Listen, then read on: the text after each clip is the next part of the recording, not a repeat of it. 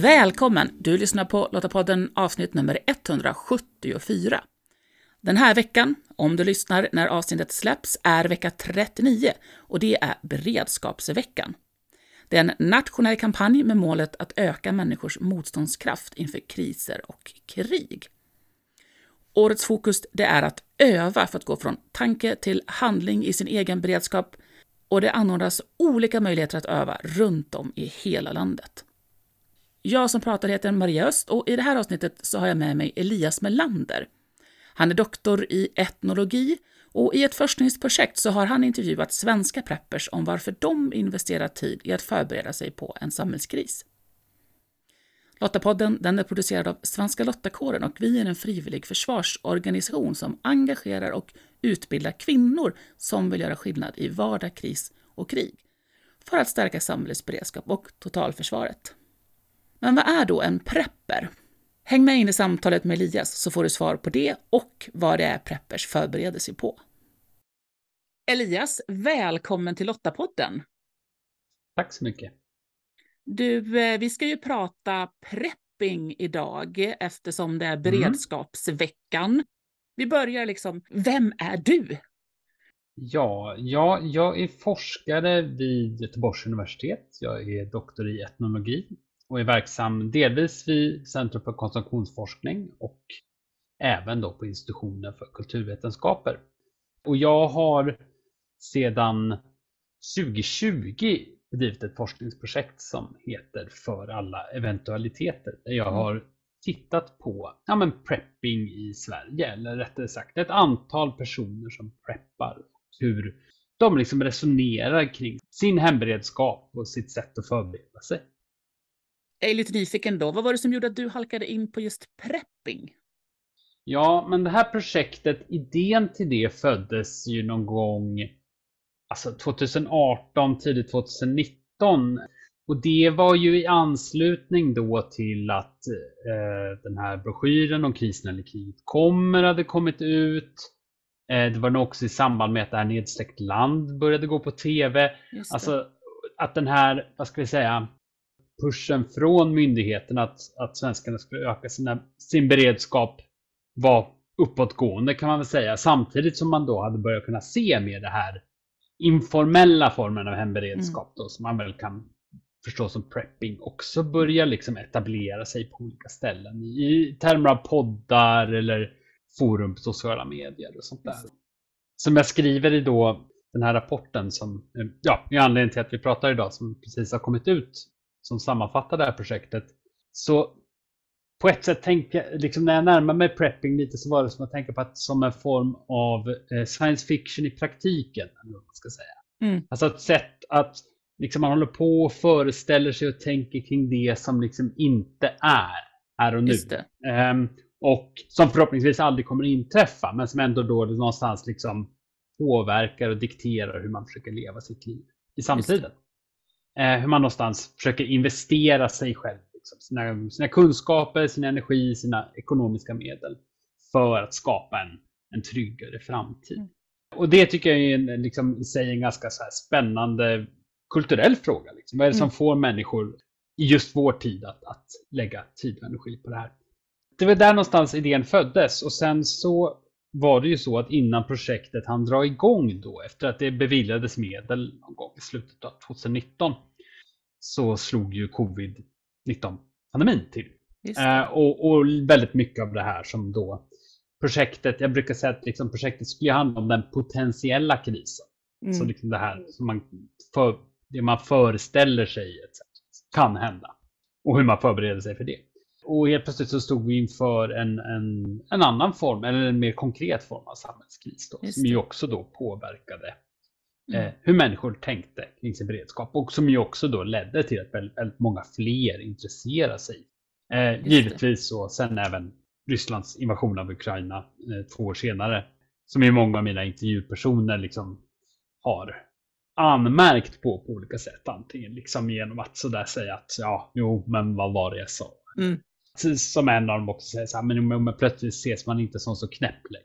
Att det liksom har gått från att vara ett, ett, något av ett växa, liksom randfenomen om en växande till att ha mm. blivit mer kanske inte mainstream, men ändå Mm. liksom mer välkänt och etablerat som begrepp och fenomen. Just det. Ja, för, det- för det, jag känner igen det där det du säger när man tittar tillbaks några år. För eh, sa man eh, prepper för några år sedan, då var det ju verkligen, upplevde jag, att man möttes av den där bilden av de här amerikanerna som eh, liksom ska försvinna någonstans och klara sig själv i flera månader och har grävt bunkrar och ja, verkligen extremt. Men de här du har pratat med, alltså hur definierar de en prepper då? Eh, Ska vi säga då att, att studien omfattar ju då, eller det huvudsakliga materialet omfattas av 20 eh, intervjuer med 20 personer. 12 män, 8 kvinnor. Som, och det var viktigt för mig på olika sätt, att liksom vara engagerade i prepping redan innan pandemin bröt ut. Så jag ville ha personer som liksom hade viss erfarenhet och, Mm. och, och liksom rutin på det här redan. Eh, det tyckte jag var liksom mer intressant än de här som kanske ja, tog tillfället i akt att, att investera sig i det här när pandemin väl var ett faktum. Men de personerna, det finns ju de som definitivt kallar sig preppers bland dem. Men det finns ju också de då som gärna undviker den, Mm. den etiketten. Liksom. Just för att inte vilja, vilja förknippas med den typen av stereotyper du tog upp här. Liksom, Mm. med kamouflagekläder och, Mm. och, och liksom vapen upp till tänderna nergrävda i någon, något hål någonstans i skogen. Liksom. Så att det finns en viss ambivalens kring själva begreppet. Men alla säger ju att de preppar. Mm. Sen så är det mindre viktigt om de kallar sig preppers. Så därför har just det här, ja, själva identitetsfrågan blivit sekundär till att se så här, men vad, vad ryms inom då det här verbet? Att preppa. Liksom. Vad, vad, är det som, Mm. vad är det man får plats med under det Mm. paraplybegreppet? Just det. Ja, men för det handlar ju om att förbereda sig, precis som du sa, på någonting som vi inte riktigt vet vad det kommer att vara. Vi kan kanske ana formerna av det och, och kan tänka vad, vad skulle jag behöva? Mm. Ehm, ja, men om, om elen går. Vi är ju otroligt elberoende. Det är så mycket Mm. saker som, som försvinner då, som vi räknar med i vardagen. Så att, ja, men Mm. förbereda sig, det är ju det det handlar om. Så, så vad är det de gör då? då när man kommer till att förstå då vad, vad, liksom vad, vad prepping är eller så, så brukar jag tänka på att det är en repertoar av saker, av förhållningssätt, av praktiker, av föreställningar som på någonstans tillsammans i tanken då ska liksom öka den enskildes handlingsutrymme i en krissituation. Det kan vara stor eller liten. Men jag brukar liksom dela in den här repertoaren då i fyra delar. Eh, Den första är den materiella förberedelserna och det är ju det som man kanske de allra flesta kommer att tänka på Mm. först. Eh, Det är konservburkar, det är ficklampor, det är eldstål, det är trangiga kök, det är ja, olika saker som på något vis gör att man liksom ska kunna upprätthålla eh, livets nödtorft även i en krissituation. Eh, men det kan ju också vara liksom där inom den ramarna för det kan det ju också vara sånt som, ja men att exempelvis ha då det man brukar kalla för en bug out location. Alltså en, en evakueringsbostad egentligen. Då, Mm. någonstans dit man kan bege sig ifall krisen slår till. Om man behöver lämna sitt hem. Eh, eller att ha liksom ja, kontanter eller kanske till och med ädelmetaller hemma. Ifall liksom för att kunna eh, ägna sig åt byteshandel ifall liksom, det blir eh, större störningar i konsumtionsmarknaderna. Eller för den delen av vapen för jakt eller kanske till och med för självförsvar. Det här är väl liksom det som, även om många av dem jag har intervjuat och, och man kan också se i olika sociala medieforum för prepping så brukar man ju ofta trycka på det här att men prepping är inte en materialsport. Mm. Det är liksom inte en fråga om vem som har de bästa grejerna och sånt där. Men, men väldigt stort fokus hamnar ju ändå på sakerna. Den andra kategorin är då liksom färdigheter, kunskaper som kan vara bra. Och där brukar ju, kan det ju vara fråga om liksom sånt som är ganska alldagligt. Alltså en fråga om att kunna, man kunna ge första hjälpen eller att kunna odla. Eh, Mm. Kunna någon form av enklare hantverk som att sy eller sådär. Mm. Man ska kunna laga sina egna eh, kläder och sånt. Men det kan ju också vara sånt här mer som rör mer exempelvis vildmarksöverlevnad. Som Mm. att kunna tända eld eller rena vatten eller Mm. sådär. Och det här brukar vi liksom kanske ha lite, statusen hos de sakerna brukar kanske lyftas lite mer. För det är det här ja men färdigheter kan ju ingen ta ifrån dig. Just det är en vanlig sån här Mm. sägning.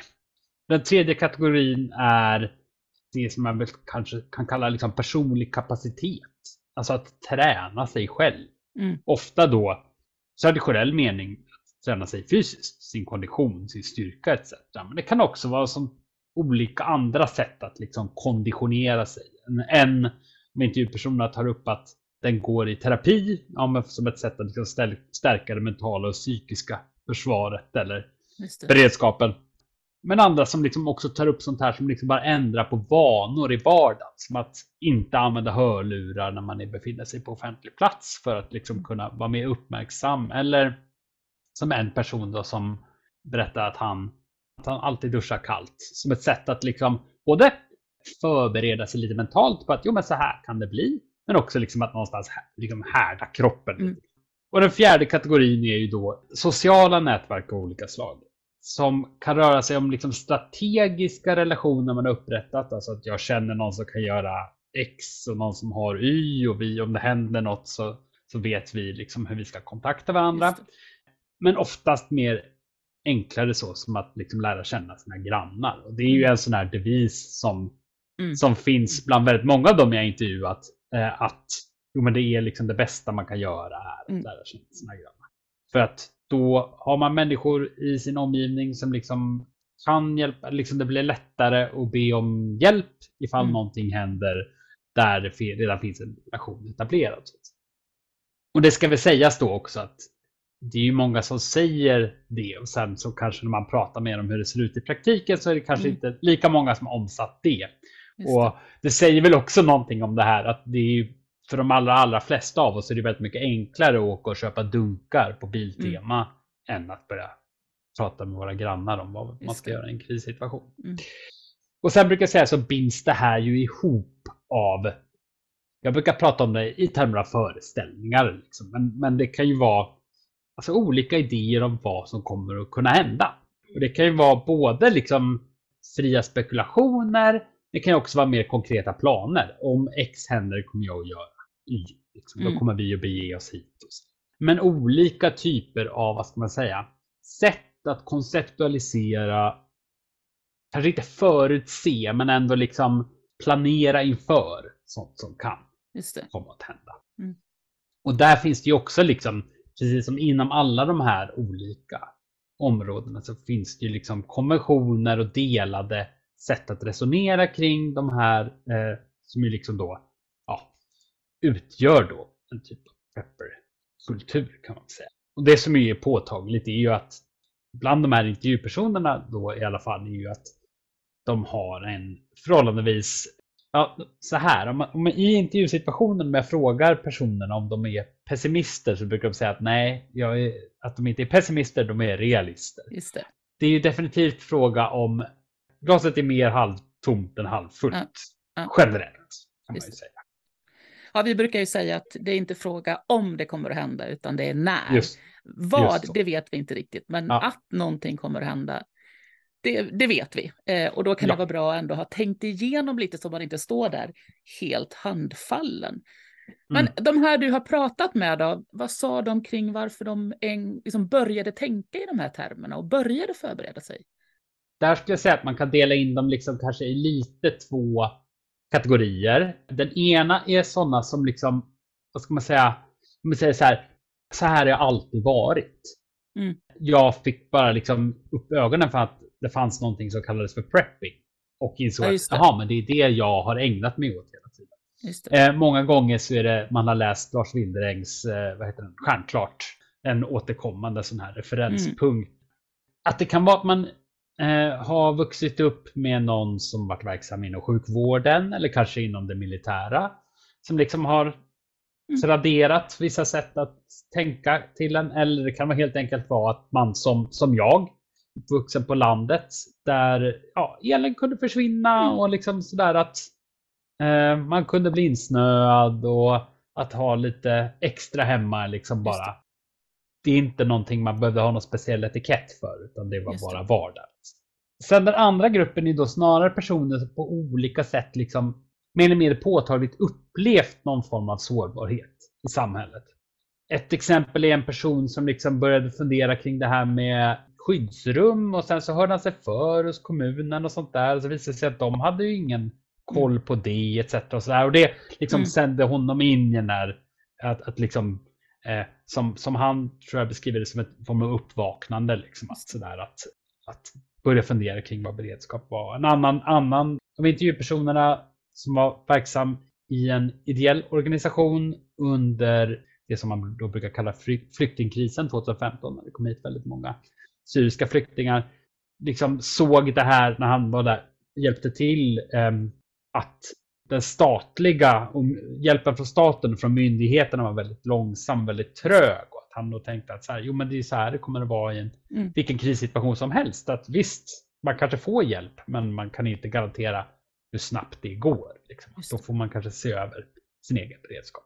Så är det väl ofta att det har sett ut, liksom det här att, det här att man har upplevt att någonstans någon form av störning i systemen som har fått dem att börja se över även sin egen Ja, beredskap. det.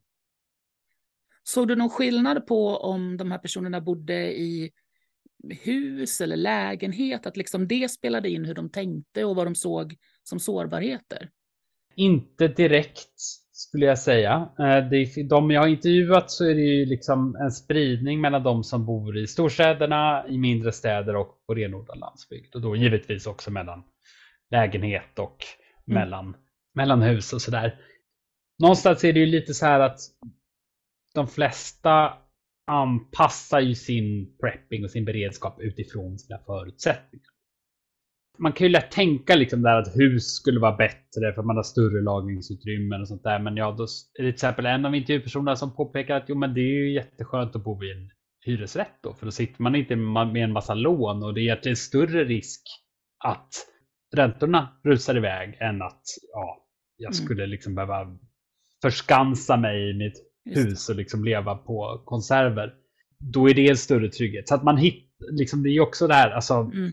en form av rationalisering kan man väl kalla det. Liksom. Men det är Just ju också ett centralt skulle jag säga i prepping som, som kulturellt uttryck är ju också att identifiera möjligheter och risker i det man befinner sig i Ja. någonstans. Där kan nog inte säga något definitivt så, utan det handlar ju väldigt mycket om snarare om att identifiera just vad är det för potential och för risker i den vardagen jag befinner mig i. Ja, men för det har ju också väldigt mycket att göra med hur många är vi i familjen? Har vi husdjur, stora barn, små barn? Och det är väl där som är också just att det finns ju liksom ingen så här exakt det här behöver du, utan det varierar ju. Mm. Vi kan ju ge guidelines och riktlinjer och det har ju myndigheterna gjort. Men Mm. exakt hur, hur det funkar för mig och min familj, det måste ju var och en sätta sig ner och Mm. fundera på. Nej, precis. Och det är ju flera av de här som är liksom de mer erfarna kanske, som ju också trycker på det att man inte ska hålla på för mycket och fokusera på vad som kan hända, utan Mm. man ska fokusera på vad är mina eller min familjs behov? Mm. Vad är det vi behöver för att ha en, en dräglig tillvaro, även om saker runt omkring inte fungerar och låta det vara drivande. Ja. För att då resonerar man att har man det på plats, då kommer man att vara förberedd liksom nästan oavsett vad som händer. I det finns det också en typ av, vad ska man säga, ja, men psykologiskt beredskap i det att liksom inte heller hamna i för mycket dystopiska tankespiraler. Att liksom Just börja tänka på allt möjligt som kan hända. För att det är ju också, det är ju andra sidan av myntet. Att, Mm. att någonstans släppa in de där tankarna i lagom stor mängd. Och, och, och också Mm. tänker jag det här att om man inte har tänkt tanken alls och börjar tänka att inte känna oj vad mycket det är jag inte har, Mm. utan ta det då en, en, en sak i taget. Och lika det här du nämnde att det absolut inte är en materialsport, utan fundera på vad har jag hemma redan? Jag har säkert en Mm. ficklampa. Jag har säkert någon dunk jag skulle kunna lagra vatten i. Just som du säger också det här att för det första steget någonstans är att ens fundera på hur skulle det här kunna påverka min situation och utifrån det ta beslut. Ja, nej, och det, är- det är väl liksom den typen av, eh, vad ska vi säga, ideellt förfarande som ju också beskrivs av många av intervjupersonerna. Men sen så är det ju också väldigt många som, som ju berättar att de själva liksom när de började kanske åkte och köpte på sig hur mycket konserver som helst och sen upptäckte att ja, men de här kunde jag ju knappt äta. Liksom. Så att det finns ju också en diskrepans där mellan, vad ska man säga, de kloka lärdomar man har dragit och hur man själv har agerat. Som det ju gör i de flesta Ja. Säga, sammanhang man befinner sig i. Och det är väl lite det som är lite bra nu då, om, om Eh, de som kommer in nu då och inte var så tidiga som de du har pratat med, att, att kunna dra lärdom av och inte göra i alla fall alla misstagen, utan mm. förhoppningsvis kunna dra mycket mm. nytta och lärdom av det som redan är gjort. När du har pratat med de här personerna, då, var det någonting speciellt som förvånade dig utifrån vad de berättade? Någonting som jag tycker var ganska påtagligt och intressant är ju att från när man sett på, tid, på prepping tidigare i det har inte studerats liksom just i, i termer av prepping i. Sverige mm. eh, i någon större utsträckning. Utan den forskning som har gjorts har gjorts i USA primärt, som ju också är liksom preppingkulturens hemland eller vad man ska säga. Och vissa studier har också gjorts i Storbritannien och lite andra europeiska länder. Sådär. Men, men där brukar man ju trycka på att det är en fråga om en liksom väldigt individualistisk hållning. Och det är väl också det som liksom ofta kommer upp när oh, det ska beskrivas mer populärkulturellt eller sådär också att det är en fråga om något väldigt individualistiskt. Där tycker jag väl då är intressant att bland de här då som jag intervjuat eh, och också som man kan se i olika liksom, diskussionsforum på svenska så finns det ju delvis den här ådran. Liksom. Jag brukar beskriva det som att det finns ett spänningsfält här, som ju speglar väl i någon utsträckning också en, en typ av politisk spänning inom prepping som kultur. Men där man har å ena sidan då som trycker på vikten av att ta individuellt ansvar, att varje liksom, person, varje hushåll är liksom skyldig att se över sitt eget. Och de som kanske har en mer då, vad ska vi säga, liksom solidaritetsorienterad eh, förklaringsmodell för mm. varför man preppar. Det här men om jag förbereder mig så kan samhällets resurser användas till något som är bättre behövande. Till syvende och sist så handlar det här väldigt mycket om i praktiken om att göra olika, eller göra samma sak. Mm. Säga. Men att man sätter in det i olika förklaringsramar. Helt enkelt. Och att då blir det någonstans, tänker jag, i, i då en typ av Ja, men det blir en typ av försvenskning av liksom det här kanske mer amerikanska mm. kulturella mm. uttrycket. Att liksom ha det här, den här mer kollektivistiska förklaringsmodellen. Men det är ju också liksom väldigt påtagligt att det är ju också samma retorik som MSB använder i sin, ja, exempelvis den här då om krisen, kriget kommer. Så det tycker jag är ganska intressant och det visar ju också någonstans hur den här typen av liksom kulturella uttryck ju aldrig rör sig över en kultur eller nationsgräns liksom som ett helt och färdigt paket utan det sker alltid den här typen av mm. anpassningar liksom, mm. för att det ska kunna smälta in i sitt just nya sammanhang. Ja men precis, vi som samhälle har ju mer av en av just solidaritetstanken att göra saker tillsammans och våran föreningsaktivitet som har en väldigt lång och djup historia också. Så att vi är ju vana att göra saker tillsammans. Eller om man då ska vara lite mer kanske lite mer kritisk där så kan man ju också säga att vi har en lång tradition av liksom att göra den här typen av saker tillsammans. Men vi är också ett väldigt individualistiskt samhälle.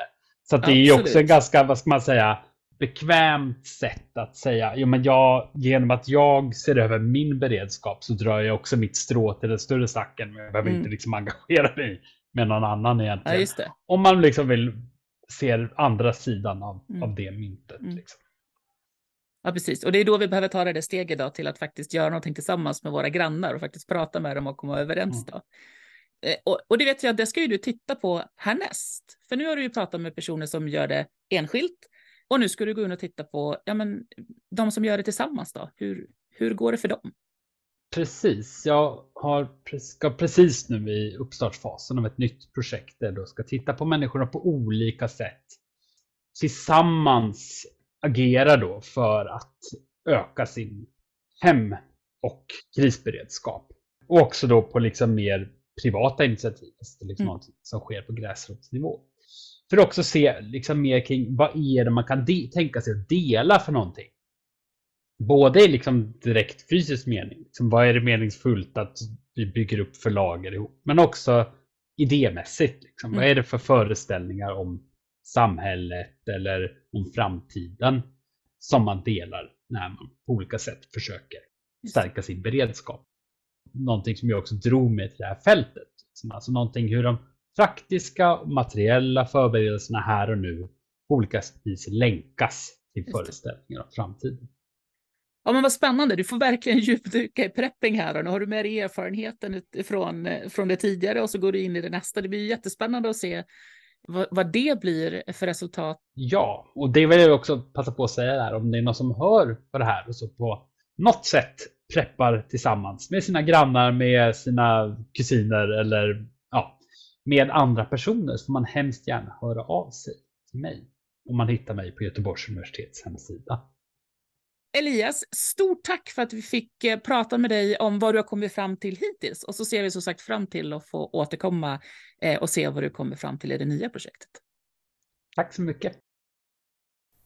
Oavsett hur vi tolkar begreppet prepper så tänker jag att det handlar om att vara förutseende och minimera möjligheten att stå handfallen när krisen händer. Ja, men det är ungefär som att installera brandvarnare och ha en brandsläckare. Det gör vi ju inte för att vi hoppas att det ska börja brinna, utan för att om vi gjort det så vet vi att jag kan agera om det börjar brinna. Och att veta att jag förberett mig så gott jag kan, det gör att jag känner mig tryggare. Oavsett hur långt du har kommit i din beredskap för en samhällskris så finns det massor av stöd och hjälp att få.